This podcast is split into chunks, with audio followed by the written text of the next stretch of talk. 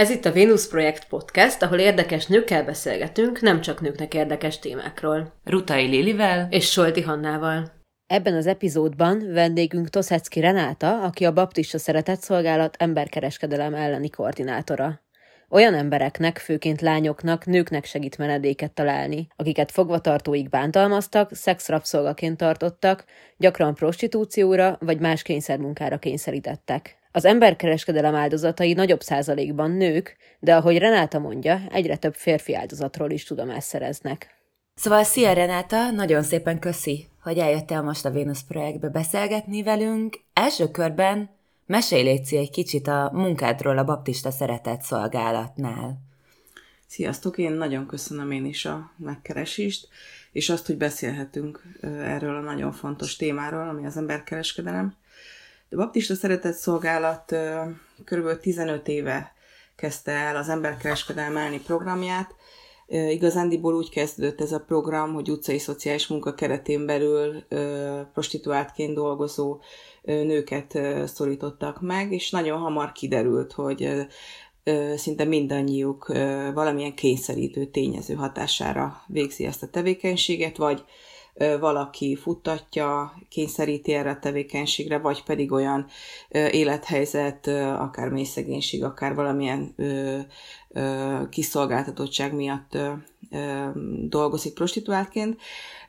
Hát ez a program ezóta 15 éve tart körülbelül, és azóta ugye számtalan programot valósítottunk meg, de hogy én alapvetően védett házban dolgozom, illetve két védett házat vezetek, az tíz évvel ezelőtt, amikor elkezdtem itt dolgozni, akkor egy védett ház volt, amiben nők voltak, és a gyermekeik, akik prostitú- elsősorban akkor még prostitúciós célú kizsákmányolás áldozataként kerültek hozzánk, de azóta most már öt éve van egy másik ház is, amit szintén én vezetek, és ott pedig férfiak vannak, akik pedig hát munkacélú kizsákmányolás érintettjei. Ugye ez a, a köznyelvben leginkább a csicskáztatásként ismert.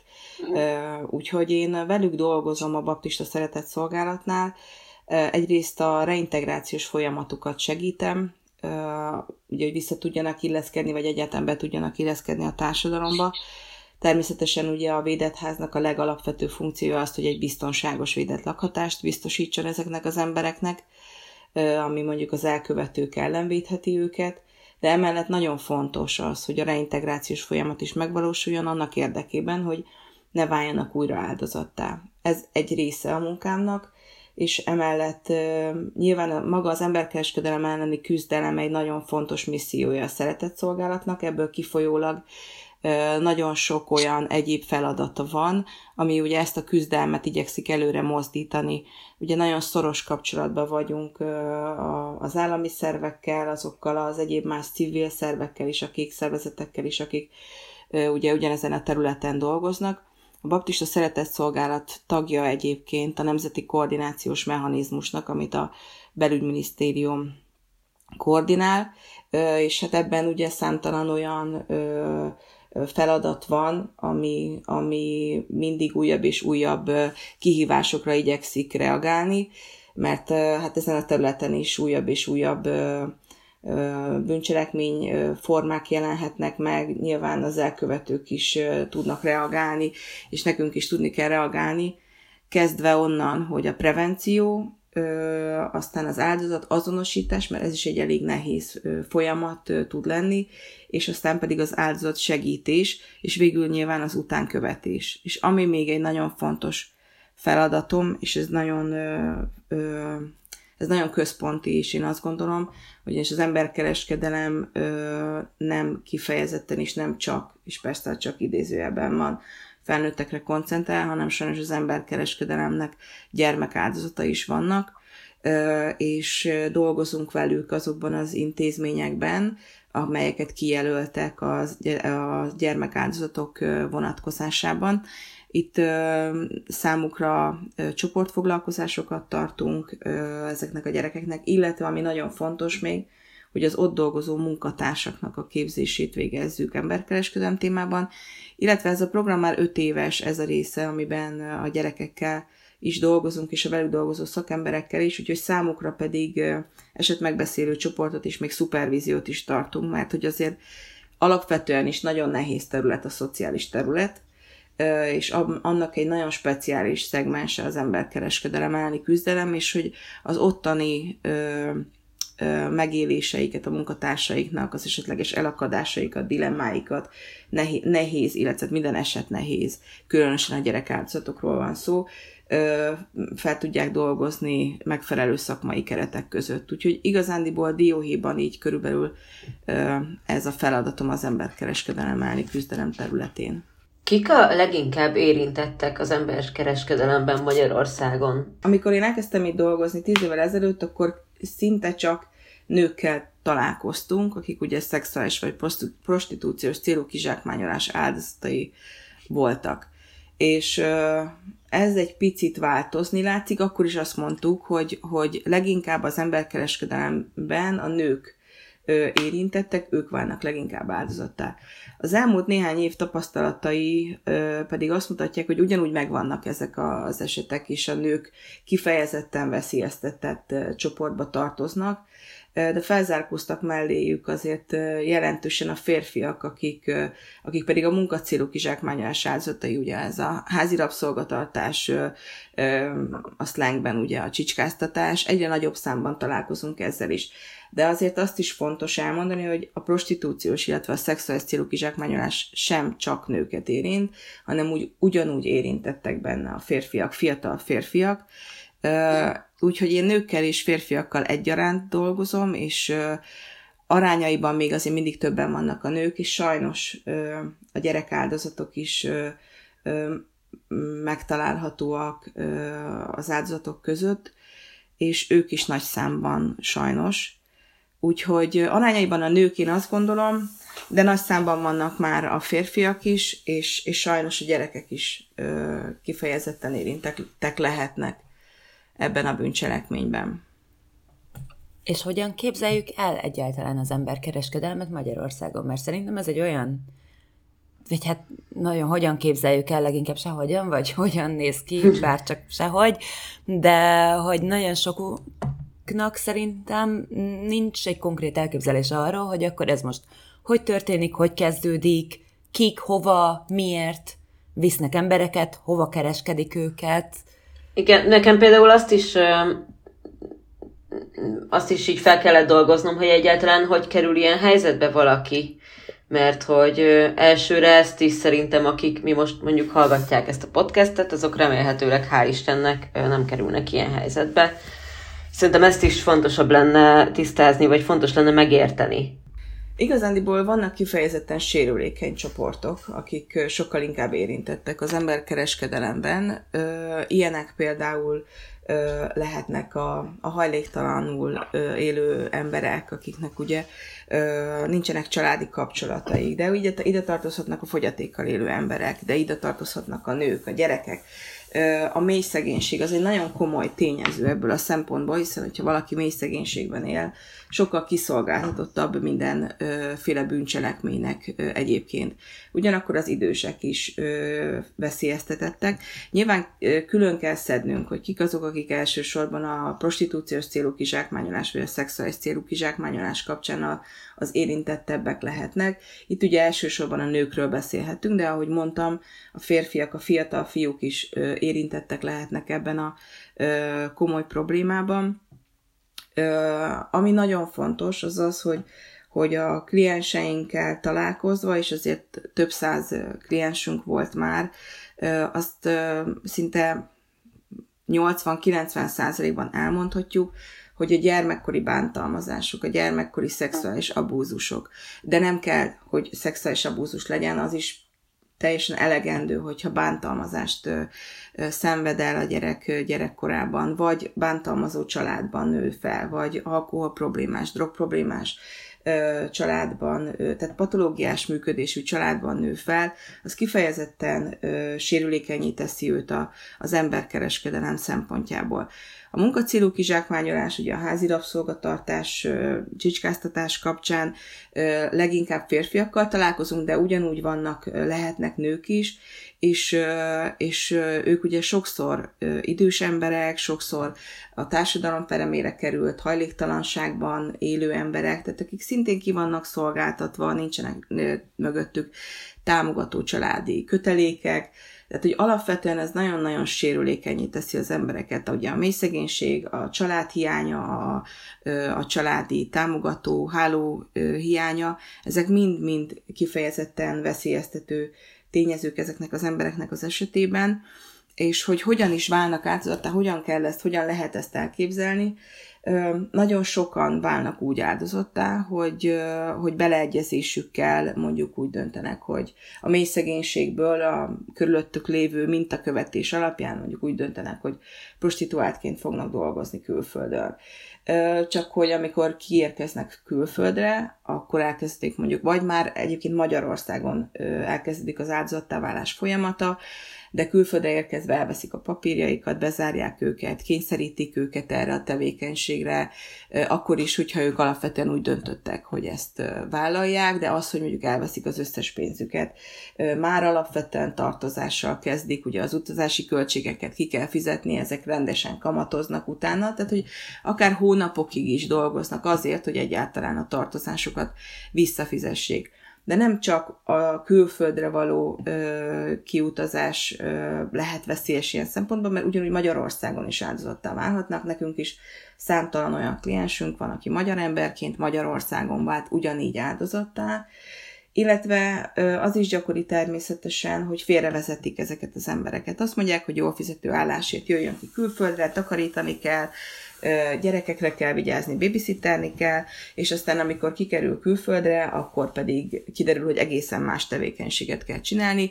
Nyilván a nyelvismeret hiánya egy nagyon komoly probléma ezekben a helyzetekben, hiszen nem tud segítséget kérni, nem ismeri az adott országot, vagy akár itthon is.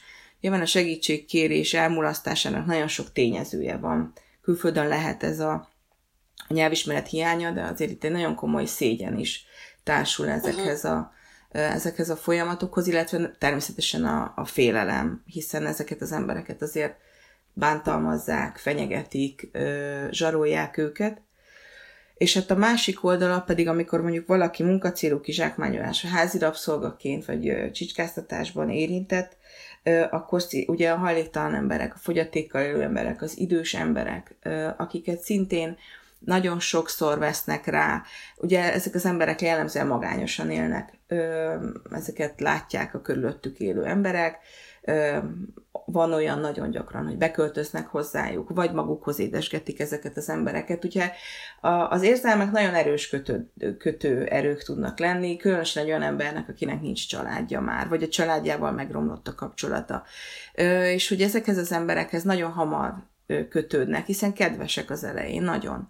Sok mindent megtesznek értük, segítenek a dolgaik intézésében, magukhoz veszik őket, és hát, hogy rendelkeznek, ha mondjuk rendelkeznek ingatlannal, akkor az nagyon hamar átvándorol az ő tulajdonukba, valamilyen ajándékozás jogcímen, vagy eltartási szerződés jogcímén, és aztán pedig nagyon hamar válnak ö, áldozattá olyan szempontból is, hogy mondjuk lakhatásra alkalmatlan melléképületbe helyezik el őket, vagy ha megtűrik is őket a saját ö, lakrészükben, akkor is elveszik a jövedelmüket, mert azért jellemzően ezeknek az embereknek van nyugdíja, vagy valamilyen ellátásban részesülnek, és utána pedig az ingatlanjaikat értékesítik, ha van nekik, ha nincs, akkor ugye elveszik a jövedelmüket, nagyon sokszor dolgoztatják is ezeket az embereket pluszban, bűncselekmények elkövetésére kényszerítik őket, hiteleket vesznek föl a nevükre, tehát hogy ilyen hihetetlen eladósításokkal szoktunk találkozni, többszobás ingatlanok át, átkerülnek a nevükre, tehát hogy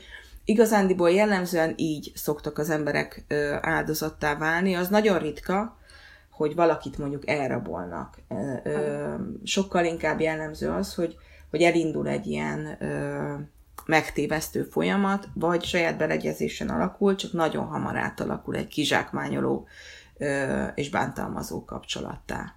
Milyen szavakat lehet ebben a kontextusban jól használni? A csicskáztatás az úgy tűnik akkor, hogy az egy jó kifejezés, vagy a csicska kifejezés, de de majd akkor erre is rákérdezek, meg hogy mi a helyzet mondjuk azzal, hogy rabszolga, szexrabszolga, hogyan lehet erről mind akár most kérdezem újságíróként, mint civil emberként jól beszélni?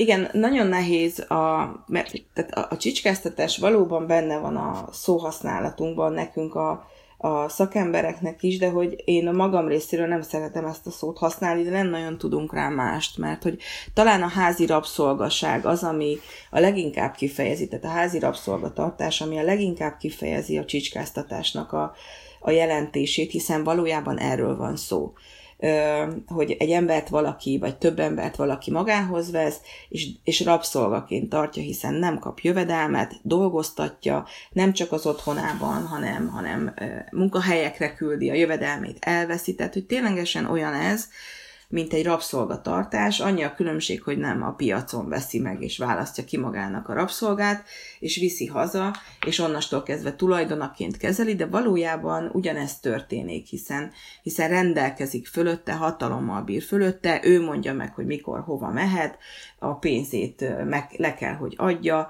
tehát hogy ugyanolyan folyamat valósul meg, mint egy rabszolgatartásban, tehát hogy ez a házi rabszolgatartás, rabszolgatartás talán ami egy szerencsésebb kifejezés, de hogy mégis, nyilván a jogszabályokban ezt, hogy csicskáztatás nincsen, de hogy a, a, a szakemberek is nagyon gyakran használják ezt a szót. Nagyon nehéz, nyilván az áldozatokkal erről így nem lehet beszélni, hogy őt csicskaként tartották, mert alapvetően is egy nagyon megalázó, kizsákmányoló, bántalmazó helyzetből érkeznek az emberek, ahonnan újra kell őket az építkezésükben, a felépülésükben segíteni, és hogy, hogy ez a, én azt gondolom, hogy ez a rabszolgatartás ö, ö, rabszolgaként viselkedtek vele, talán ez egy jobb kifejezés, és mondom ezt úgy, hogy mi is szakemberként használjuk ezt a szót, különös, leginkább mondjuk egymás között mi is, ugye, amikor arról beszélünk, hogy egy áldozatot azonosították, akkor hogyan azonosították?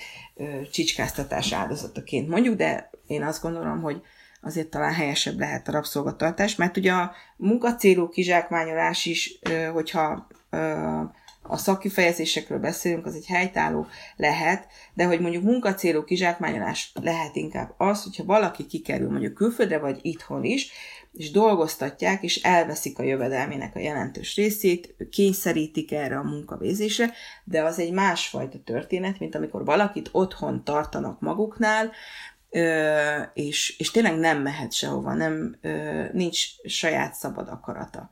Ugye ez jellemzően a munkacélúra és a, erre a rabszolgatartási gyakorlatra vonatkozhat.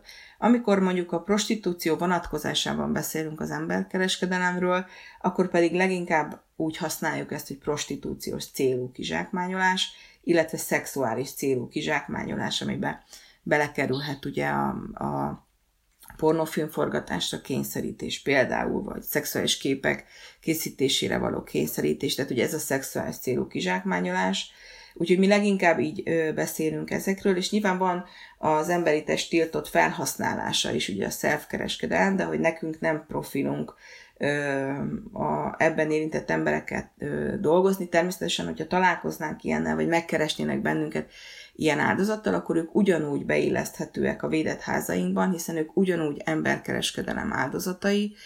Én a tíz év alatt nem találkoztam még ilyen áldozattal, de ahogy említettem is az előbb, ő is célcsoportunk, ők is célcsoportjaink lehetnek. Ott ugye természetesen még inkább fókuszba kerül az egészségügyi ellátása ezeknek az embereknek, ami egyébként is fókuszában van, hiszen ezek az emberek azért nagyon súlyos traumákkal, lelki és fizikai traumákkal egyaránt érkeznek hozzánk. Uh-huh. Tök jó, hogy ezt szóba hozod, mert most, hogy beszéltünk arról, hogy hogyan kerül valaki, vagy hogyan lesz valakiből áldozat, és hogy mi történik ezekkel az emberekkel, amikor áldozatok, mesélj egy kicsit arról is, hogy hogyan kerültek ti kapcsolatba az áldozatokkal, hogyan szabadulnak ki, az emberkereskedelemből, és hogy mi történik velük utána? Hát a Baptista Szeretett Szolgálat ugye egy nagy humanitárius szervezet, és az emberkereskedelem elleni küzdelme is egy jó régi ö, missziója már, úgyhogy ez, ez idő alatt azért egy nagyon komoly nemzetközi programán nőtte ki magát. Ahogy mondtam, ö, a Nemzeti Koordinációs Mechanizmusnak, ami az emberkereskedelem elleni kormányzati feladatellátásnak ugye a koordinátora, annak is tagja vagyunk. És Ezáltal nyilván a baptista szeretett szolgált emberkereskedelem elleni munkáját ismerik az országban, de ismerik nemzetközi szinten is, hiszen az emberkereskedelem egy nemzetközi bűncselekmény. Nemzetközi vonatkozása is lehet az, az emberkereskedelem bűncselekményének, úgyhogy ez egy nagyon, azt gondolom, hogy egy nagyon komoly munka, és ezáltal ismertek vagyunk itthon és külföldön is. Ezért, hogyha áldozatot azonosítanak, akkor tudják mondjuk külföldön is, meg itthon is, hogy a baptista szeretett szolgálat elérhető. Ez egy része, amikor mondjuk maga konkrétan egy külföldi szervezet, egy ottani civil szervezet, vagy kormányzati szervezet keres meg bennünket azzal, hogy áldozatot azonosítottak, és hogy védett házba való elhelyezésre lenne szüksége a Magyarországra való hazatérése után. Ez egy, vagy ez ugyanígy Magyarországon is megtörténhet, ugye van a jelzőrendszer Magyarországon, ami ugye a gyermekvédelmi jelzőrendszer, de ezen kívül azért a gyermekeken keresztül azért a szülők is láthatóvá válhatnak, illetve az idős emberek kapcsán is ugye ez működik, ez a jelzőrendszer, és hát ugye ennek számtalan tagja van, a család és gyerekjóléti szolgálatoktól kezdve a közoktatási intézményeken, az egészségügyi intézményeken át,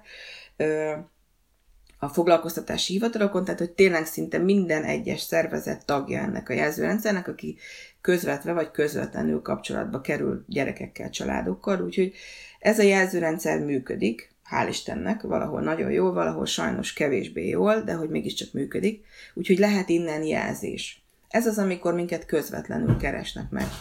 Aztán van az is, ami egy nagyon fontos vonal, ez az országos, krízis, országos kríziskezelős információs telefonszolgálat, ez az OKIT, aminek a telefon száma 0-24 órában hívható. Ez kifejezetten emberkereskedelem és kapcsolati erőszak áldozatainak fenntartott vonal. Ezt az állam tartja fent, sok-sok-sok éve van már, hál' Istennek meg. Ezt ugyanúgy felhívhatja szakember is, és kérhet segítséget, hogyha egy áldozat ül mellette mondjuk egy családsegítőben, és nem tudja, hogy merre tudná irányítani, de az látható, hogy mondjuk védett házas vagy titkos menedékházas elhelyezésre van szüksége. És természetesen minket is megkeres az okit, mert hogy a mi védett házaink közül is van, amelyik állami támogatásban részesül, és ezért ugye nekünk is férőhelyeket kell biztosítanunk. Nyilván ez nem kell, hanem ezt mi magunktól is tesszük. Ezért, ha az okiton keresztül talál meg bennünket az áldozat, vagy az áldozat segítő szakembere, akkor szintén tudjuk őt fogadni. Aztán egy nagyon fontos szervezet, még a Nemzetközi Migrációs Szervezet, ez az IOM, mert hogy ők is a, a külföldön áldozattá vált emberek hazahozatala, hazautazásának segítése kapcsán is fontos szerepet töltenek be az emberkereskedelmi küzdelemben, és például ők is delegálhatnak hozzánk áldozatokat. Az nagyon ritka, bár egyre nagyobb számban találkozunk ezzel is, hogy, hogy maga az áldozat keresi meg a baptista szeretett szolgálatot és kér segítséget, de ez a legritkább ö, ö, mindezek közül. Nyilván van olyan is, hogy a rendőrség, a nyomozó ügyészség keres meg bennünket közvetlenül, hiszen pontosan tudják, hogy ezt a feladatot ellátjuk. Szóval igazándiból nagyon sok helyről jöhet a jelzés. Uh-huh. És hogy mi történik? Bocsánat, igen. Nem, én bocsánat, nagyon hosszú kérdéseket szoktam feltenni, és bonyolultak, főleg egy ilyen téma kontextusában, amikor nem tudjuk azt mondani, hogy így ilyen emberek ide mennek, hanem ez egy nagyon-nagyon sokrétű dolog. Igen, de semmi baj, csak közben eszembe jutott, hogy ez meg a következő. Mi történik velük? Hát Ugye az fontos, hogyha attól függ, hogy ki keres meg bennünket. Nyilván, hogyha hivatalos szervezet, külföldi szervezet, itthoni szervezet, akkor ők el tudják nekünk mondani, hogy mi a helyzet, milyen áldozat, milyen kondíciókkal rendelkezik, milyen egészségügyi állapotban van, keresik-e, tette feljelentést, van-e arra ö, esély, hogy mondjuk őt az elkövető keresni fogja, hol lakik, hol vált áldozattá. Mert hogy nekünk ezeket nyilván mérlegelnünk kell ezeknek a, az információknak a birtokában, mérlegelnünk kell, hogy melyik védett házba helyezzük el. Hogyha gyerekkel van, hogyha férfi, hogyha családdal menekül, mármint hogy az egész családjának menekülnie kell, akkor, és nyilván nem csak a saját ö, ö, intézményi hálónkban gondolkozunk, hanem, hanem ismerjük a többi emberkereskedelmi területen dolgozó civil szervezetet is, ezért, hogyha úgy ítéljük meg, hogy a, a, a mi védett házaink nem kellően biztonságosak, mert mondjuk a közel van az elkövetés helyszínéhez, vagy a lakóhelyéhez, vagy mondjuk teltház van nálunk, ami sajnos ezen a területen azért jellemzően megtörténik, akkor felvesztük a kapcsolatot másik védett ház vezetőjével, szakmai vezetőjével, és akkor bele megbeszéljük, hogy mehet-e hozzá. És hát a kockázatelemzés az egy fontos ami ugye ez is, ennek is a végeredménye, hogy elemezzük a kockázatokat, mert a legfontosabb nyilván az áldozatnak a biztonsága. Ugyanakkor nagyon fontos a védett házak biztonsága is. Tehát ugye ezek a védett házak titkosak, jellemzően azért nem lehet tudni, hogy hol vannak. Nyilván a lakókörnyezetében élő emberek azért sejtik, hogy, hogy valami ott zajlik, de hogy hál' Istennek azért jól működnek ezek. Nem, nem történt még olyasmi, hogy bebukott volna egy védett ház. Tehát ugye ez a másik nagyon fontos, és nagyon fontos a, a, az áldozatnak a családjának a biztonsága is, hiszen nagyon sokszor találkozunk azzal, hogy a családdal fenyegetik. Tehát bekerül a védett házba, és hallja a családtól a híreket, hogyha mondjuk feljelentést tett, vagy ha nem is tett feljelentést, hogy azzal fenyegetik, hogy majd a családját akkor rajtuk bosszút állnak, őket fogják bántalmazni, tehát hogy az ő, az ő biztonságuk is nagyon fontos. Nyilván nem tudunk mindenkit családilag elhelyezni valahova, csak akkor, hogyha mindannyian érintettek, mert természetesen ilyen is van, hogy, hogy tényleg szükséges az, hogy valakit, egy egész családot el, el tudjunk biztonságos helyre szállítani. Tehát, hogy ez a három olyan dolog, amit figyelnünk kell. Nyilván, hogyha a család az elkövető, akkor senki sem foglalkozik az ő védettségükkel, sőt, leginkább azzal foglalkozunk, hogy, hogy szülessen feljelentés, és vonják őket felelősségre, mert sajnos ez is nagyon gyakori, hogy maga a család az, aki az áldozatot eladta, kényszerítette munkavégzésre, sajnos sokszor a saját gyerekeiket is a szülők, Úgyhogy uh, igazándiból így történik az, hogy hozzánk kerül. A szerencsés esetben is erre mindig törekszünk, mert az nagyon fontos, hogy magával az áldozattal is beszéljünk. Hogy felmérjük mi is, mert nyilván az már egy közvetítéses információ, amit a szakembertől megtudunk, és fontos beszélnünk az áldozattal. Azért, mert hogy így így még jobban képbe tudunk kerülni. Egyáltalán akar-e védett jönni? Tudja-e, hogy mi ez, hogy védett ház? Hogy vannak szabályok? Mi az, amit várhat ebben a védett házban? Mi az, amiben tudunk segíteni neki? Milyen egészségügyi állapotban van? Milyen pszichés állapotban van? Mert nyilván ezek a bántalmazott emberek nagyon sokszor nagyon nehéz és nagyon ö, ö, rossz pszichés állapotban vannak, és hát az is fontos természetesen, hogy ne csak mi tudjunk kérdezni, hanem ő is meg tudja kérdezni, hiszen számtalan félelem lehet benne azzal kapcsolatosan, hogy hova kerül, ott mire számíthat, milyen segítségben bízhat. Úgyhogy igazándiból egy párbeszéd már elindul ekkor.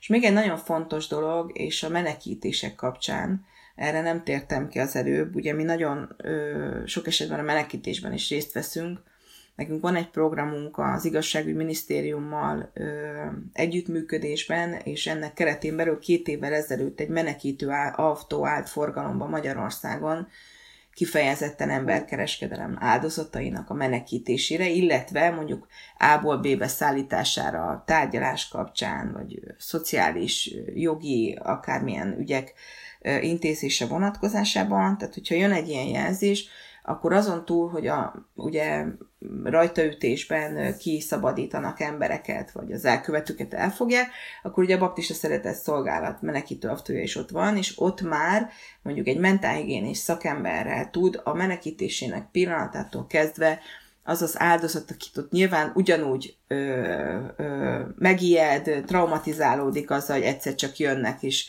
ö, a rajtaütnek az elkövetőkön, és akkor onnastól kezdve már egy mentálhigiénés szakember tud vele beszélgetni, tud neki segíteni ebben a folyamatban, mert hogy az fontos, nagyon fontos, hogy védett házba kerüljenek ezek az áldozatok, még akkor is, hogyha úgy érzik, hogy nem akarnak oda menni. Mert egy védett közegben nagyon szoros szociális munkával, pszichológus, pszichiáter segítségével azért sokkal nagyobb esélye van valakinek ezeket a hosszú traumatizáló folyamatokat feldolgozni. Úgyhogy igen, és mi történik velük a védett házban? Hát sok minden, hál' Istennek. Ugye először, amikor bekerülnek, akkor igazándiból ez egy ilyen aklimatizációs időszak. Tehát, hogy tényleg beszélgetünk, megmutatjuk az intézményt, a ventilációra van lehetőség, ha csöndben akar lenni, akkor arra van lehetőség. Tehát, hogy, hogy azért igyekszünk mindig arra reagálni, ami az adott embernek a legjobb lehet a, abban a kezdeti időszakban, ami egy nagyon nehéz időszak természetesen. Úgyhogy utána pedig természetesen mély interjú felvételére kerül sor, az egész helyzetének a feltárására, a családi kapcsolatok megismerésére, hogyan vált áldozattá, mi történt vele. Tehát nyilván fel kell ezeket így göngyölíteni, bevonunk a folyamatba pszichológust, pszichiátert is természetesen, hogyha szükség van rá, és az esetek nagy részében szükség van rá, Sokszor addiktológus segítségére is szükség van, hiszen nagyon sokan, különösen a házi rabszolgatartásban érintett emberek közül alkohol problémával küzdenek. Tehát, hogy én, az én gyakorlati tapasztalataim az, hogy mindenki, akit kimenekítettek házi rabszolgatartásból, ő alkohol problémával küzdött. Ez az én tapasztalatom, sok ilyen kliensem volt, van, Nyilván nem tudok minden egyes védett dolgozó szakember tapasztalatáról, de nálunk kivétel nélkül ez egy komoly probléma. Tehát, hogy be, bevonásra kell, be, be kell vonni ebbe a folyamatba addiktológust is, akik mondjuk segítenek. Nem tud megvalósulni az én tapasztalatom alapján az, hogy teljesen meggyógyuljon valaki az alkoholizmusból, vagy valamilyen függőségéből, de hogy lehet keretek között tartani, és méltó emberi életet élni ezeknek az embereknek kizsákmányolás nélkül. És hát ugye indul ez a felépülési folyamat, aminek ugye célja nálunk azért a, a, munka, a mondjuk az iskolák elvégzése. Nagyon sokszor ugye aluliskodázott ö, emberek válnak áldozattá, ezért fontos, hogy szerezzenek mondjuk egy szakmát a védett házban való ö, idejük alatt, illetve munkába álljanak, hogyha, hogyha van végzettségük, vagy tudunk munkát találni. És aztán pedig ugye ebben a folyamatban haladva tovább az a cél, hogy önálló életet tudjon később élni, de ebben van még egy fontos állomás a védett ház és a teljesen nyílt élet munkaerőpiac között, az pedig az úgynevezett félutas házak, ahol már nem olyan szoros a segítő kapcsolata a szakemberek és a korábbi áldozatok, akkor már ugye lakóknak hívjuk őket, vagy klienseknek, és ezekben a filutas házakban sokkal kevésbé szoros ez a kapcsolat, sokkal nagyobb szabadság van. Van szabadság a védett házban is, félre ne értsétek. Egyszerűen arról van szó, hogy ott sokkal szorosabban és sokkal, szinte minden nap találkozunk, minden nap dolgozunk egymással, meghatározzuk, hogy mik azok a célok, amiket fontos lenne elérni. Természetesen ez szépen haladva az időben előre. Azt nem tudom megmondani, hogy ez a tizedik napon ez történik, a tizenötödiken az, a harmadik hónapban pedig ez, mert ez minden esetben személyre szabottan történik, attól függően, hogy milyen állapotban, milyen pszichés, milyen lelki, milyen ö, fizikai állapotban érkezik hozzánk egy, ö, egy áldozat.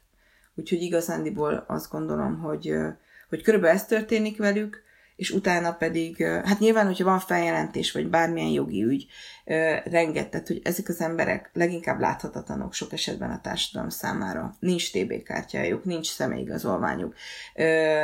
És a nincs TB kártya, az egy dolog, nincs TB fizetés utánuk. Tehát, hogy, hogy semmi, semmi, semmi nincsen, ami, ami nincs ellátásuk, nincsen semmilyen jövedelmük, főleg azoknak, akik ugye hazakerülnek külföldről, vagy akár itthon is prostitúcióban érintettek az szerencsés, hogyha mondjuk van nyugdíj, vagy valamilyen rehabilitációs, vagy bármiféle ellátás, ez mondjuk nagyon szereti, és szerencsés. És ami még egy nagyon fontos dolog, ami történik, az az, hogy az áldozatsegítő szolgálattal felveszük a kapcsolatot. Ezt akkor tudjuk megtenni, hogyha feljelentést tesz, mert az áldozatsegítő szolgálatnál az azonnali pénzügyi segélynek, az igénylésének a feltétele az az, hogy egy rendőrségi igazolást hozzon arról az áldozat, hogy ő bűncselekmény áldozata, és akkor tud, tudunk neki igényelni azonnali pénzügyi segélyt, illetve később állami kárenyhítést. Ez egy hatalmas segítség olyan embereknek, akik reklámszatyorral, meg mondjuk egy papucsal érkeznek, mert hogy abból tudunk ruhát vásárolni, el tudjuk kezdeni, az, illetve saját magáról tud gondoskodni, ugye addig, amíg meg nem szerezzük a jövedelmet, el nem tudjuk érni azt, hogy legyen jövedelme. Úgyhogy ez egy nagyon nagy segítség tud lenni, de ahogy mondtam, ehhez rendőrségi igazolás kell, hogy ő bűncselekmény áldozata. Ha nem tesz feljelentést, akkor nincs ilyen.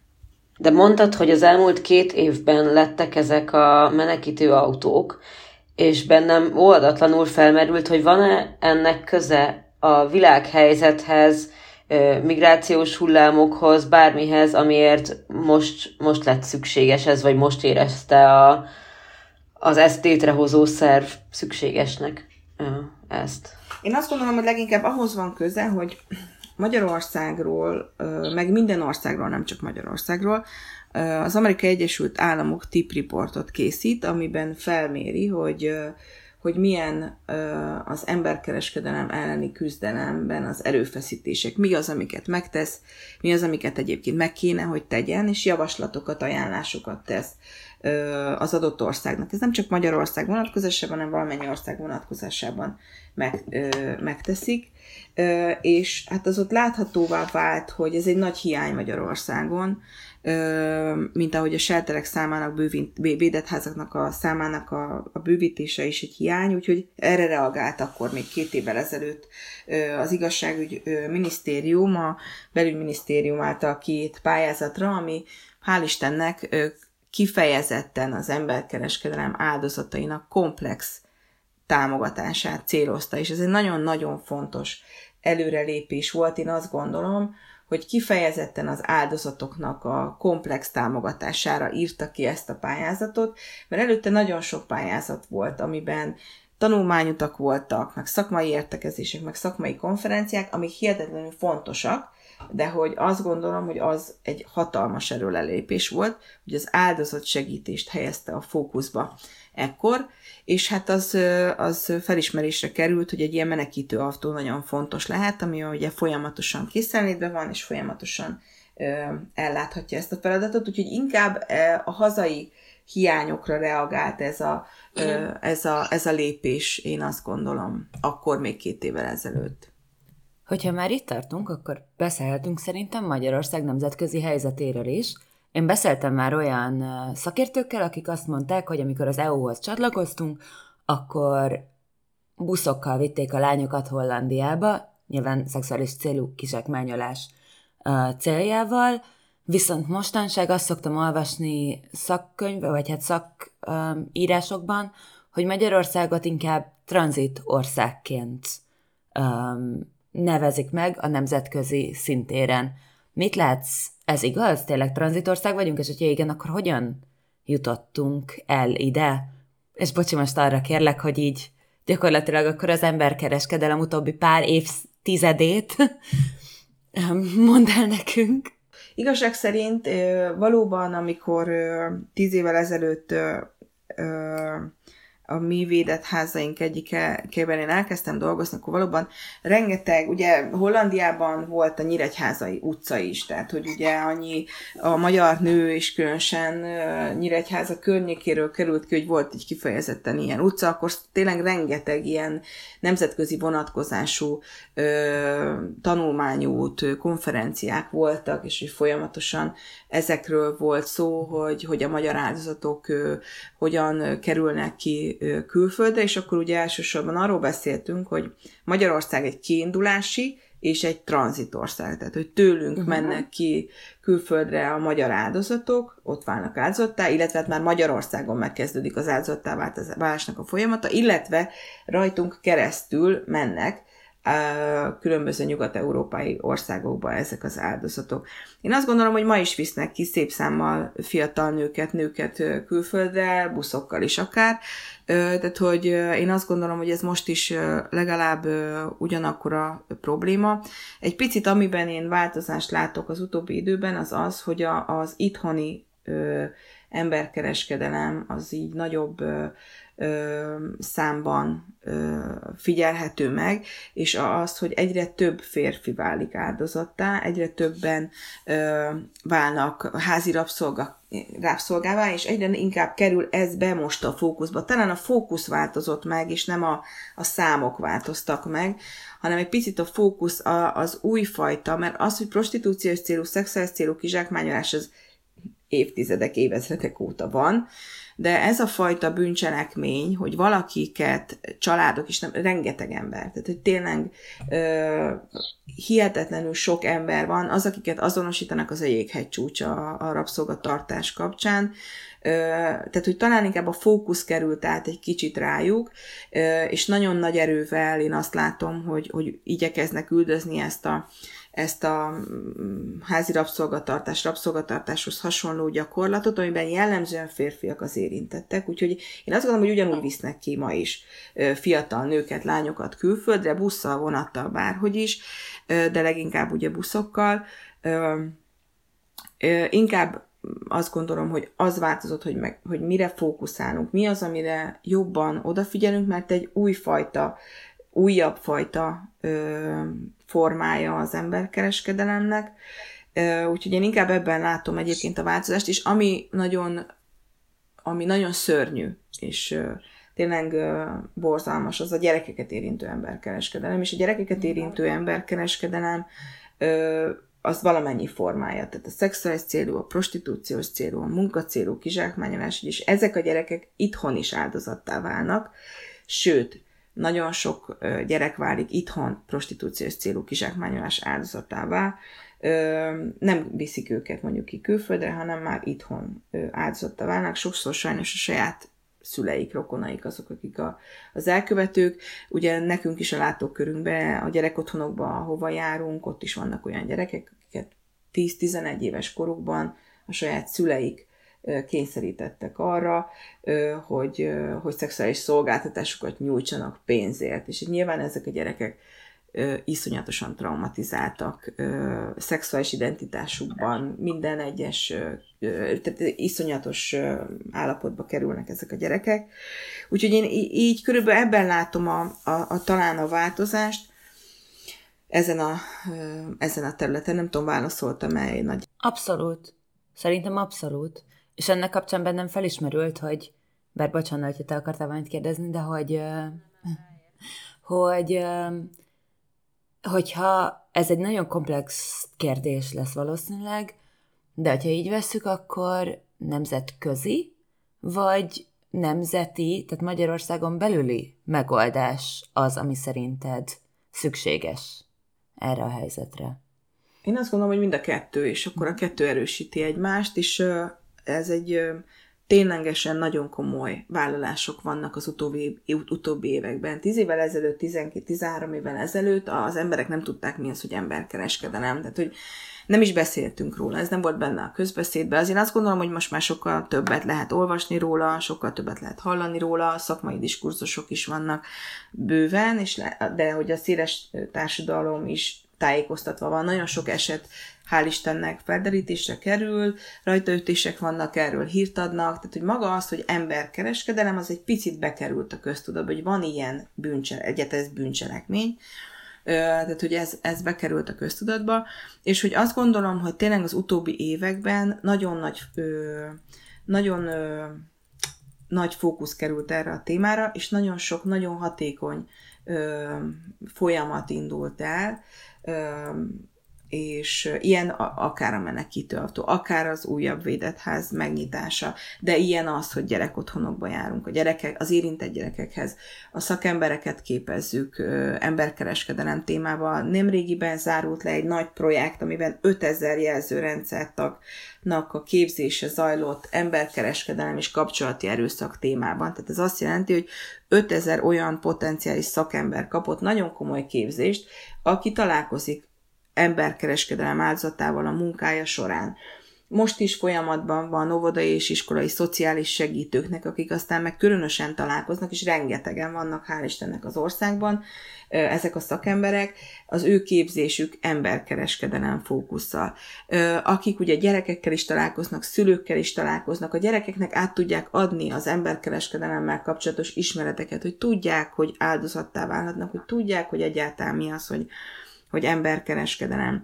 Tehát, hogy tényleg nagyon sok olyan, olyan intézkedés volt már, ami nagyon fontos, és nagyon sok olyan intézkedési javaslat van, ami pedig megint csak arra megy előre, hogy ezen a téren még jobban fejlődjünk, még inkább ö, tudjunk ö, küzdeni ezzel a jelenséggel. Tehát én azt gondolom, hogy hazai viszonylatban kifejezetten jól állunk, és azt gondolom, hogy nemzetközi viszonylatban is ö, törekszenek, és hogy ott meg aztán különösen egyébként, tehát ugye azért valamivel mondjuk nyilván Svájcban, ahol ö, iszonyatosan ö, sok ö, prostitúciós, elsősorban prostitúciós célú kizsákmányolás ö, ö, valósul meg, hiszen ott legális a prostitúció, ö, ott nagyon-nagyon komolyan küzdenek az emberkereskedelem ellen, hiszen tudják, hogy ahol szexmunka van, ott biztos, hogy van emberkereskedelem is, tehát hogy nyilván ö, ezek megvannak a nemzetközi viszonylatban is, és ezek az együttműködések is én azt gondolom, hogy,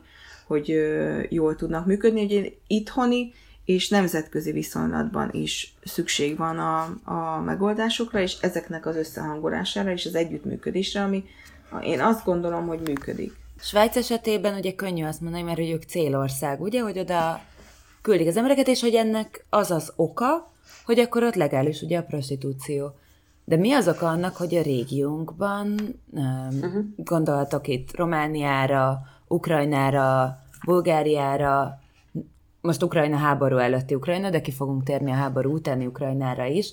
Mi az oka annak, hogy ezek az országok uh, cél, vagy mi az uh, kiinduló, vagy tranzitországként jelennek meg, és hogy itt valahogy még mondjuk Csehország vagy Lengyelország, amik szintén a régiónkban vannak, én legalábbis kevésbé láttam ezeken a top listákon előkelő helyeken. Igen, mert hogy az a kiindulási pontunk ebben a kérdésben, hogy, hogy úgy értesültünk legalábbis, hogy ez a négy nemzet, Ukrajna, Románia, Bulgária, Magyarország vezeti alapvetően az emberkereskedelem listáját. Legalábbis az Európai Unióban, ugye? Igen. Hát én azt gondolom, hogy sajnos, amíg van mély szegénység, addig lesz emberkereskedelem is. Tehát, hogy, hogy a mély szegénység egy olyan ö, hihetetlenül ö, nehéz élethelyzetet szülő ö, állapot, ami egyrészt az adott családokban régóta fennáll, és hosszú ideig fenn fog állni, mert hogy ebben nem nagyon tud változás generálódni, sajnos is. Hogy én azt gondolom, hogy, hogy, hogy, hogy, hogy a mély az van ezekben az országokban bőven. Hazánkban is hihetetlen mértékben élnek emberek mély szegénységben. A mély szegénység pedig kiszolgáltatottá teszi az embereket. Ha nincs munkahely, ha nincsen, nincs tehát ha, az oktatásban nem tudnak részt venni, az oktatásból kihullanak ezek az emberek, hogyha ha, ha nem tudnak munkát vállalni ezek az emberek, akkor, akkor sokkal kiszolgáltatottabbá válnak az emberkereskedők különböző technikáinak, amik lehetnek a családhoz való tartozás ígérete, a szeretet, a szerelem, tehát, hogy ezek azt gondolom, hogy, hogy nagyon komoly olyan toló tényezők, amivé, ami miatt mi ilyen sajnálatos módon jól teljesítünk az emberkereskedelem áldozatainak számának vonatkozásában.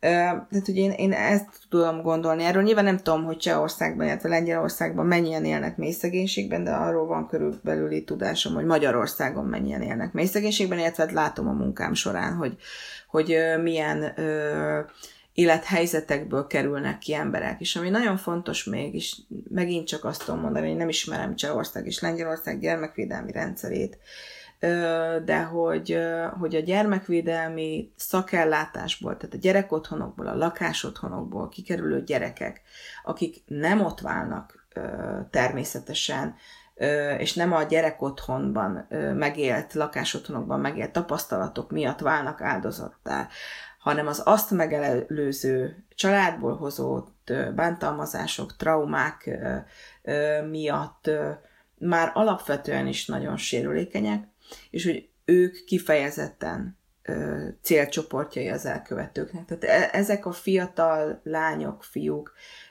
nagyon-nagyon komoly kötődési problémákkal élnek, hiszen hiszen hogyan tudnának kötődni egyébként egészségesen, hogyha kiemelik őket a családokból, ahol mondjuk bántalmazták őket, vagy ahol patológiásan működött a család, vagy ahol nyilván szegénység és anyagi problémák miatt nem emelhetnének ki egy gyereket sem Magyarországon a családjából, de nyilván az, hogyha ha mély szegénység van, hogyha ö, kilátástalan az élethelyzet, anyagi nehézség van, az szülni fog egyéb problémákat is. Tehát, hogy nyilván azért oda kerülnek más problémák is.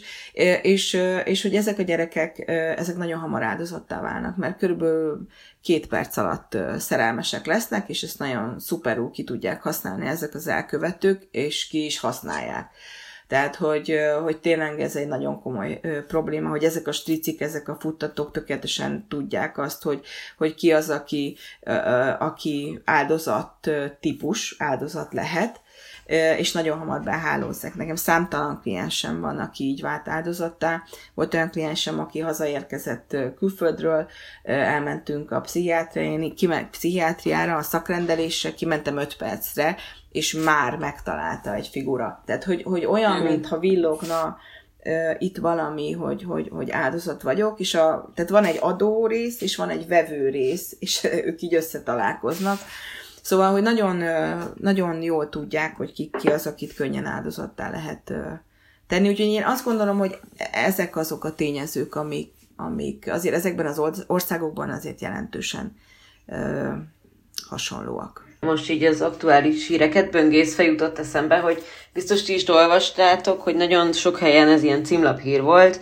A valamilyen vidéki polgármester, 80 körüli polgármester és a nagyon fiatal lánynak a, igen, az esete, most már felesége, azt hiszem, hogy, hogy erről egyébként így mit, mit gondolsz, hogy mi a szakmai véleményed erről? Ezt tényleg nem feltétlenül kell betennünk. Van-e itt esély arra, hogy, hogy ez a lány ö, ember, valamilyen formájú emberkereskedelem áldozatává válhat? Nyilván itt nagyon fontos ugye a szabad akarat kérdés, amit már te is sok ízben megemlítettél, és ebbe azért nem is mennék én annyira bele, mert ez nagyon-nagyon nehéz megállapítani, de mondjuk azt, hogy egy, és nem is lehet szerintem úgy igazán, de az, hogy egy 18 éves lány mennyire szeretne szabad akaratából egy 78 éves polgármesterhez hozzá menni, szerelemből, vagy nem abból, az szintén nagyon kérdéses nekem.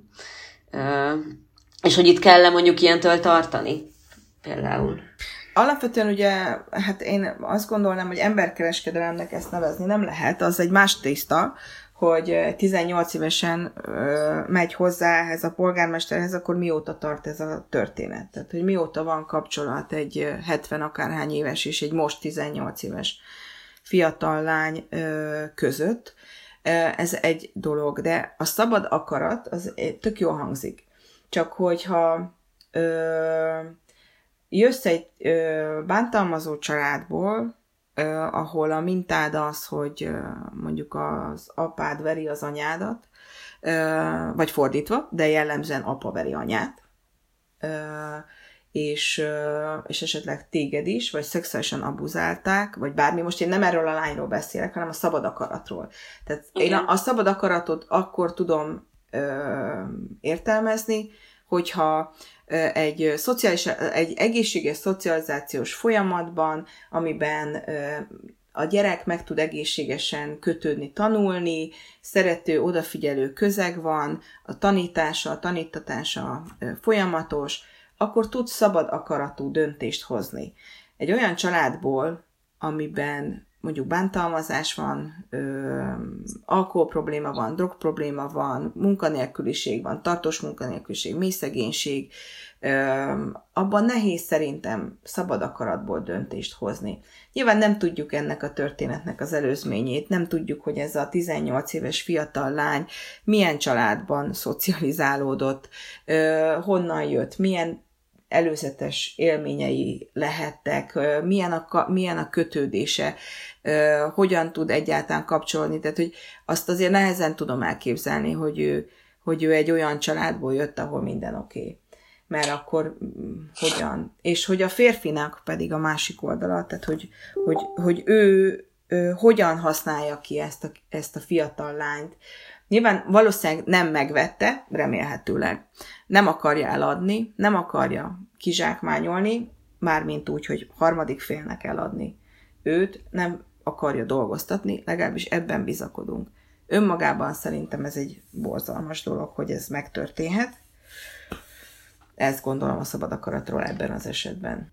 Meg, meg én még ide a gazdasági nyomást is behoznám, bár azt is nagyon, nagyon sokszor említetted, hogy azért és tényleg nem akarom sokáig rabolni ezzel a történettel a figyelmeteket, csak hogy, hogy, hogy önmagában mondjuk azt nehéz elképzelni, hogy egy ilyen ö, jó módú, mert hogy végül is egy, egy polgármester, ö, legalábbis ott a régióban, ahol él, vagy a területen, ahol él, vagy a faluban, ahol él, ott biztos, hogy jó módúnak számít, ö, akkor ő egy 18 éves lányra fogja így a vagyonát hagyni, és akkor mert hogyha házasok lesznek, ugye, vagy házasok lettek, és akkor itt rögtön felmerül az nem, hogy, hogy akkor itt most ők ilyen vagyoni függésben állnak egymással, amiből a, a fiatal lány húzhatja a jobb, de a rosszabb részét is igazából, és szerintem inkább rosszabbat. Abszolút, meg ebben, amit mondasz egyébként benne lehet, de ez megint csak ugye feltételezés, de hogy ugye az emberkereskedelemben, tehát a kapcsolati erőszak az mindig benne van az emberkereskedelemben, főleg akkor, hogyha mondjuk egy strici meg egy ö, egy prostitúcióra kényszerített nő, akik mondjuk párkapcsolatban vannak, ugye, mert számtalan ilyen van, abban azért a kapcsolati erőszak benne van. És a kapcsolati erőszakban ugye van a fizikai bántalmazás, van a lelki bántalmazás, lehet a szexuális bántalmazás, szinte mindig megvannak ezek egyébként, és hát ott van a gazdasági is természetesen, hiszen ő rendelkezik a pénz felett, tőle kell engedélyt kérni. Ő mondja meg, mit vehet, ő mondja meg, hogy hova mehet és hogyha ez megvan, és ebben az esetben biztos, hogy megvan nyilván ez, hiszen egy 18 éves fiatal nő valószínűleg semmiféle jövedelemmel nem rendelkezik aktuálisan, akkor valószínűleg megvalósul egy ilyen bántalmazás. Én legalábbis azt gondolom, hiszen ennek a fiatal nőnek kérnie kell a pénzt, el kell számolnia azzal a pénzzel. Ő magától szabadon mondjuk valószínűleg nem tud mozogni arra, amire akar, hiszen nincsen neki jövedelme. Valószínűleg, ez megint mondom, csak fikció. Tehát, hogy ezek, ez biztos, hogy megvan benne a gazdasági függés. Igen, és úgy jelent meg azon a címszó alatt, vagy hogy azzal, azzal hozták le a hírekben ezt, hogy, hogy a szerelem az a szerelem. Reméljük, hogy majd másról is ilyen szájízzel fognak tudósítani. és akkor a komment szekcióról már ne is beszéljünk, ahol kik miket írtak, mert az áldozatibáztatás, vagy hát feltételezett áldozatibáztatás, és a szexizmus is nagyban megy, de hogy egy kicsit erről az esetről eltérjek, és egy másik nagyon aktuális uh, hírcsoportra reflektáljunk, mi a helyzet az ukrajnai háborúval? Mert hogy egyre több szó, szó van arról, hogy nem csak Magyarországra, hanem nemzetközi szintéren, akik Ukrajnából érkeznek, nagyon gyakran, hát, vagy halmozottan kiszolgáltatott helyzetben lévő emberek. Itt Magyarországon ti már láttok esetleg ilyen tendenciát, hogy emberkereskedők próbálkoznak, vagy megkörnyékeznek, vagy akár sikeresen is elvisznek embereket és gyerekeket? Abszolút, ugye a, a menekültek mindig kifejezetten sérülékeny csoport a, az emberkereskedelem vonatkozásában, és ugye a baptista szeretett szolgálat ott van ugye a határon Tiszabecsen is például, és amikor az egész, a háború kitört, és ugye tömegével ér, érkeztek a menekült emberek, akkor abszolút beszámoltak arról, hogy, hogy bizony megjelennek ott a szép nagy autós férfi emberek, és szállást ajánlanak föl fiatal nőknek, fiatal lányoknak, munkát ajánlanak föl ezeknek a, ezeknek a fiatal nőknek, tehát hogy abszolút, abszolút reagálnak már is és azonnal erre a helyzetre.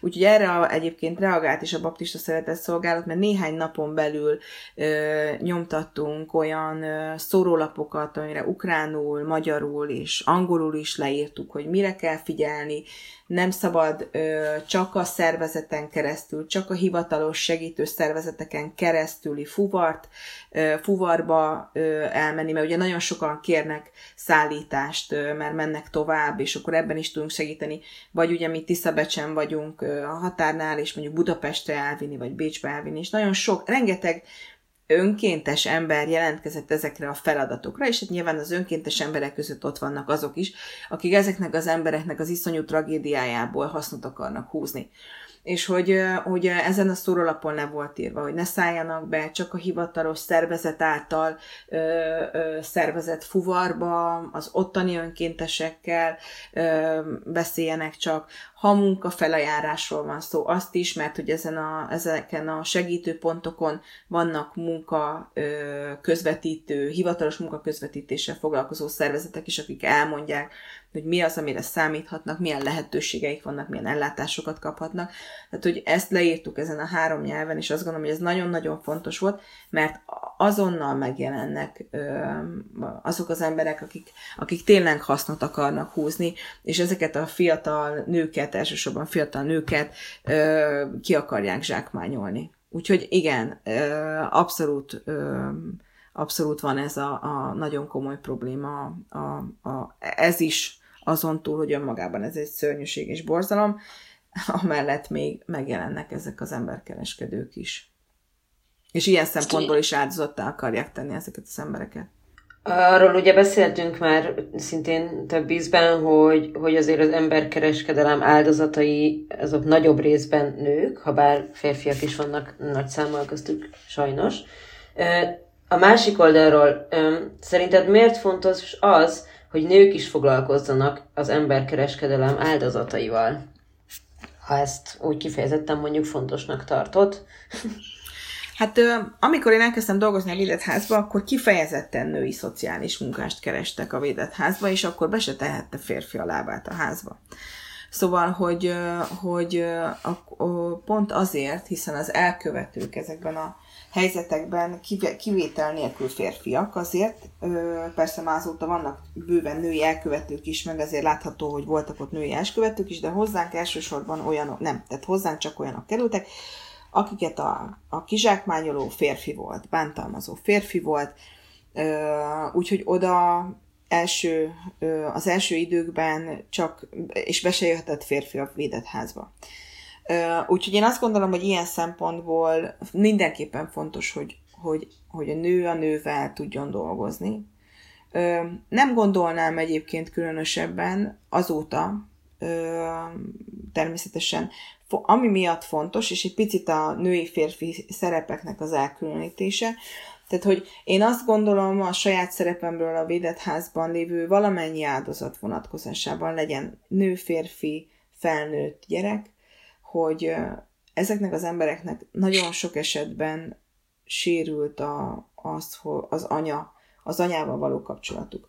És én nőként ezt akarva akaratlanul, mert nyilván nem úgy kezdtem el dolgozni, hogy én majd itt valami anyaképet fogok ezeknek az embereknek adni, eszembe se jutott ilyesmi, hiszen szakemberként mentem oda, de nagyon sokan, és ez látható, hogy ez, ez, ez az, ami leginkább, ez az a szerep, amiben leginkább helyeznek. Nem úgy helyeznek bele, hogy, hogy annak neveznek, szó sincsen erről, de hogy érezhető az a, az a kötődési szándék, az, ahogyan kötődni szeretnének hozzám, hogy nem csak egy szakemberhez akarnak kötődni, hanem egy női szerepben, egy anya szerepben akarnak helyezni. Ezt nem tudják. Volt olyan kliensem egyébként, és ez nagyon megrendítő volt, egy 55 éves férfi, egy rabszolgaságból menekítették, aki anyának szólított.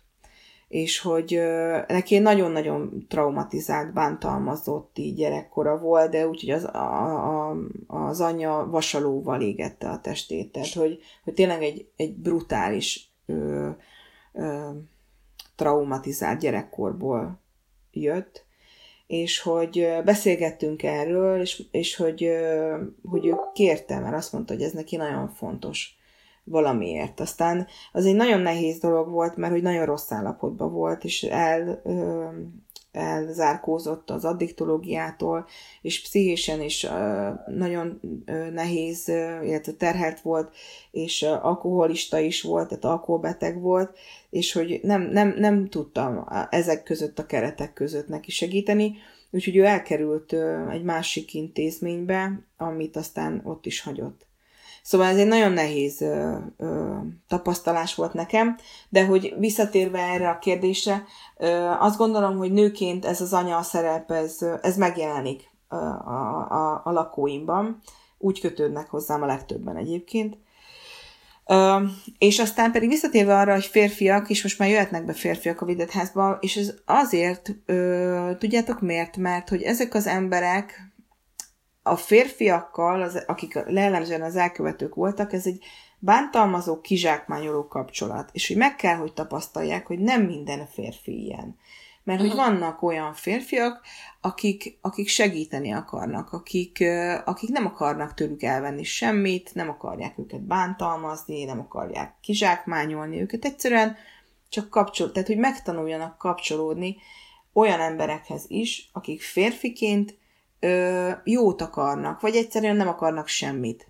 Mert hogy ugye tőlük mindig akar valaki valamit, hogy dolgozzon nekik, adjon pénzt nekik, tartsa el őket, tartsa ki őket, és hogy, hogy mert amikor visszakerülnek a védetházból, szépen kikerülnek a, az életbe újra, akkor azért remélhetőleg valamikor lesz párkapcsolatuk. Tehát azért mondjuk jó lenne, ha lenne ezeknek a nőknek párkapcsolatuk, bár mindegyik azt mondja, hogy neki soha többet nem lesz. Tehát, hogy Isten őriz, és hogy, hogy azért mégiscsak az lenne a jó, ha lenne, és akkor ezt is megtanulni, meg észrevenni, hogyha olyannal találkozik, aki megint csak bántalmazni akarja, kizsákmányolni őket, mert nyilván jöhetnek megint ilyenek, akik bántalmazni akarnak, de hogyha észreveszi időben, akkor azt tudja mondani, hogy akkor itt ennek vége van. És van olyan kliensünk, aki Magyarországon volt áldozat, prostitúciós célú kizsákmányolás volt neki, amikor hozzánk került négy gyereke, a védetházból kikerülve albérletbe is volt próbálkozás a párkapcsolattal, kettővel is nem ment neki, bántalmazó kapcsolatok voltak, és aztán ö, mégiscsak eljutott odáig, hogy most egy, egy kiegyensúlyozott, egészséges házasságban él, egyetemre jár, szociális munkásnak tanul, szóval, hogy, hogy akkor mégis valamit ö, meg tudott tanulni, és hogy ami a legfontosabb, hogy ne váljon újra áldozattá. Ne csak emberkereskedelem áldozatává, de mondjuk bántalmazó kapcsolatban bántalmazottá sem. Úgyhogy nem tudom, válaszoltam erre, hogy a, a nő nőiségem, az, az, hogy nő vagyok, az, az, az fontos. Ebből a szempontból azt gondolom, hogy fontos, hogy valamilyen hiányt, egy nagyon picit, nyilván nem tudja az egészet már bepótolni, de hogy egy nagyon picit meg tud mutatni, hogy, hogy hogyan is lehet kötődni. Mert hogy ez tény, hogy, hogy és lehet, hogy elcsépeltnek hangzik, de hogy nekem fontosak a klienseim. Tehát, hogy én, én nekem fontos, hogy ők, én megmerem kockáztatni azt is, hogy, hogy én szeretem a klienseimet. Nekem most egy nagyon nehéz folyamat is van. Van egy női kliensem, aki házi rabszolgatartásban volt érintett, másfél éve van nálunk, és, és úgy tűnik, hogy hasnyálmi van, és, és hogy valószínűleg meg fog halni, és nekem ez egy nagyon nehéz folyamat, én nem vesztettem még el kliensemet a házban, az ellenben születtek már gyerekek, többen is, és ben voltam ezeken a ö, születésekkor és ez most nekem egy nehéz folyamat. Nyilván neki még nehezebb, de, de megélni ö, azt, hogy valószínűleg el, el, el fog menni, és, és nekem fontosak ezek az emberek. Úgyhogy hát ez oda-vissza működik valószínűleg. És erről is akartalak kérdezni, bár hogyha túl személyes, hogy te személy szerint hogy kezeled azt, hogy vannak olyanok, akik az 50-es években járnak és anyának szólítanak hogy vannak olyanok, akiket nem tudtok megmenteni egyszerűen, hogy vannak, akik nem akarnak megmentődni. Nyilvánvalóan ez emberileg, hiába esik át valaki több évnyi képzésen, és van több évnyi tapasztalata, biztos vagyok benne, hogy nem könnyű. Nem könnyű, és ez ö, abszolút nem könnyű, de hogy, hogy egy picit olyan ez, én azt gondolom, hogy Nyilván szakmai munkát végzek, amikor intézem a, a jogi ügyeiket, a szociális ügyeiket, a, a kórházi ügyeiket, tehát hogy amiben ebben a szakmai szakemberként veszek részt. De amikor minden nap találkozom velük, akkor nem tudok nem az életük részévé válni, és nem tudnak ők sem az én, nem válni az én életem részévé, hiszen minden egyes nap találkozunk egymással, mindent velem osztanak meg, tudnak az én életem történéseiről. Tehát, hogy ha, tehát, azt, tehát a baptista szeretetszolgálatnak ez egy fontos missziója, de az a védett ház, ahol én dolgozom, az nem kap támogatást. Tehát, hogy ez tényleg támogatásokból, pályázatokból, adományokból tartjuk fent ezeket a védett házakat, amik a legrégebb óta vannak. Ez azt jelenti, én nem, nekem nem volt kollégám az elmúlt hét évben. Előtte volt, de az elmúlt hét évben nem, és én mindent megoldok a saját uh, környezetemben, akár a barátaim által, tehát nekem nagyon sok olyan barátom van, nem tudom, gyógypedagógus mérte már fel a, a gyerekeket, hogyha úgy láttuk, hogy valami gond van.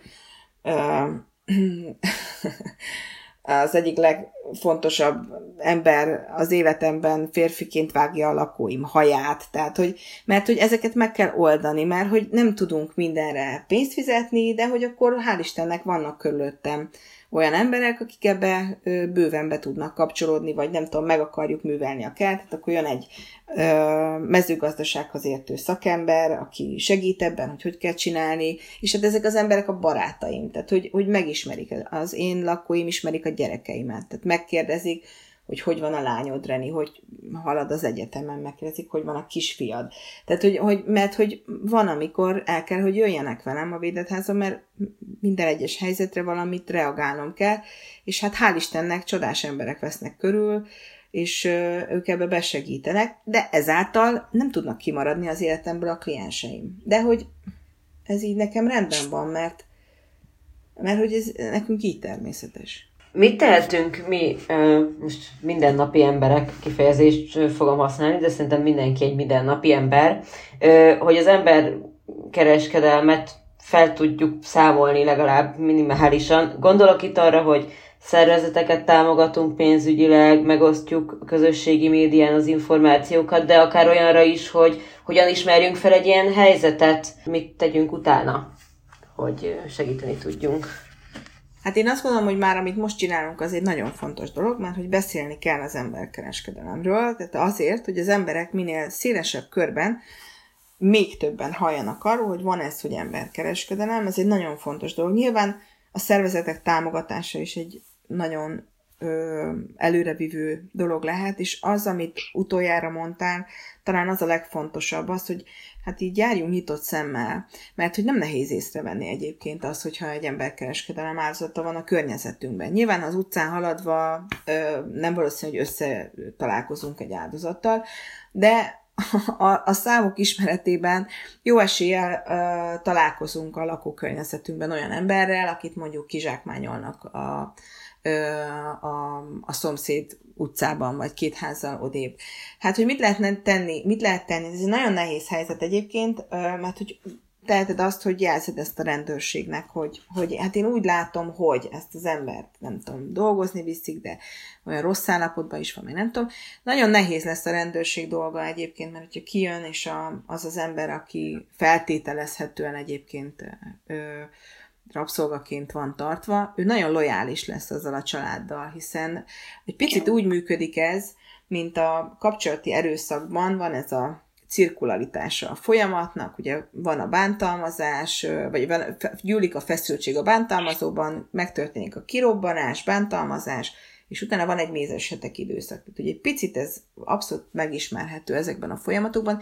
Tehát itt is vannak olyan időszakok, amikor azt az embert emberszámba veszik, és ö, azt éli meg, hogy tartozik egy családhoz, és ez ennek az erejét nem lehet elvitatni. Tehát, hogy ez olyan erő tud lenni, ami miatt hihetetlenül lojális lesz az elkövetőkkel, és egyébként nem is tudja, hogy ő egy áldozat. Mert hogy lehet, hogy az utcáról hajléktalanként került be ehhez a családhoz, és mondjuk jobb, úgy éli meg, hogy jobban él, mintha az utcán élt volna.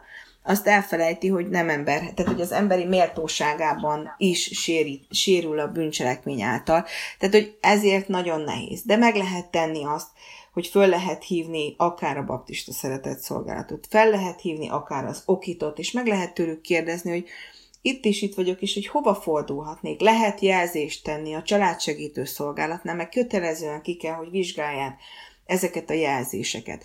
Ezt, ezt tudja a, a, az állampolgár megtenni hogy szakember felé jelzi azt az érzését, és hogyha ez megfogalmazódik az érzés, hogy itt valami nem stimmel, itt, itt a szomszédomban valami olyasmi történhet, ami szerintem akár emberkereskedő, vagy bármi, de most ezt mondhatjuk a kapcsolati erőszakról is, tehát hogy, hogy, ne, hogy, hogy igenis legyünk érezzük azt a felelősséget, hogy lehet, hogy, hogy senki más nem fog szólni, de mi szólhatunk, úgy, hogy mondjuk jelzünk egy szakember felé, amiket mondtam, tehát akár a rendőrség, akár a családsegítő, családsegítő mindenhol van, kell, hogy legyen, ha nem is egy, de egy kis településen pontosan tudják, hogy ki a családsegítő, ki a védőnő, ki milyen szerepet lát el, és úgy beszélni erről, hogy nekem ez így úgy tűnik, hogy valami, valami nincsen rendben, és hát nyilván az már a szakembernek a felelőssége, hogy ezzel mit kezd, de én azért bízom abban, hogy,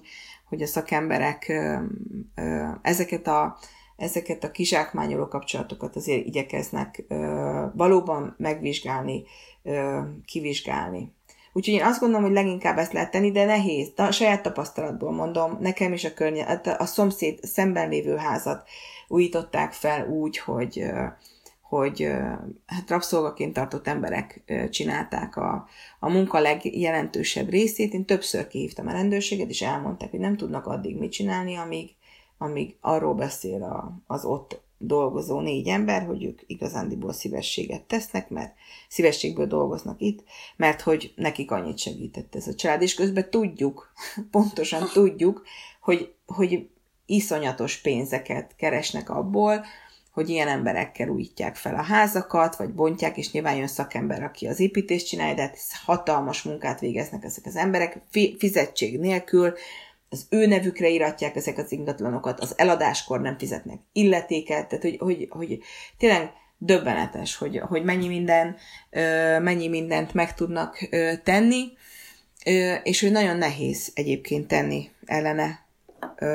Úgyhogy leginkább ezt, hogy nyitott szemmel járni, és, és jelezni hatóság fele, szakember fele, lehet, hogy van olyan ismerőse, nyilván nem tudom azt mondani, hogy mindenkinek, aki, aki nem tudom, szociális területen dolgozik, nem tudom, rendvédelmi területen dolgozik, és beszélgetni vele erről, és hogy egy picit úgy elinduljon ez a dolog, mert minél több ilyen eset kerül napvilágra, és minél több ítélet születik úgy, amire azt mondják, hogy az emberkereskedelem, akkor akkor hát, ha előbb-utóbb lesz valami elrettentő ereje, mert most nem sok van.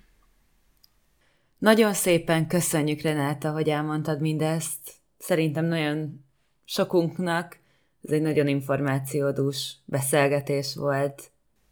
Oké, okay. én is nagyon szépen köszönöm, hogy beszéltünk erről a témáról. Köszönöm szépen. Ez volt a Venus Projekt Podcast. Solti Hannával és Rutai Lilivel. Ha tetszett az epizód, értékelj minket az Apple Podcast rendszerében, hogy többekhez eljussunk, és kövess minket Facebookon, Instagramon és TikTokon.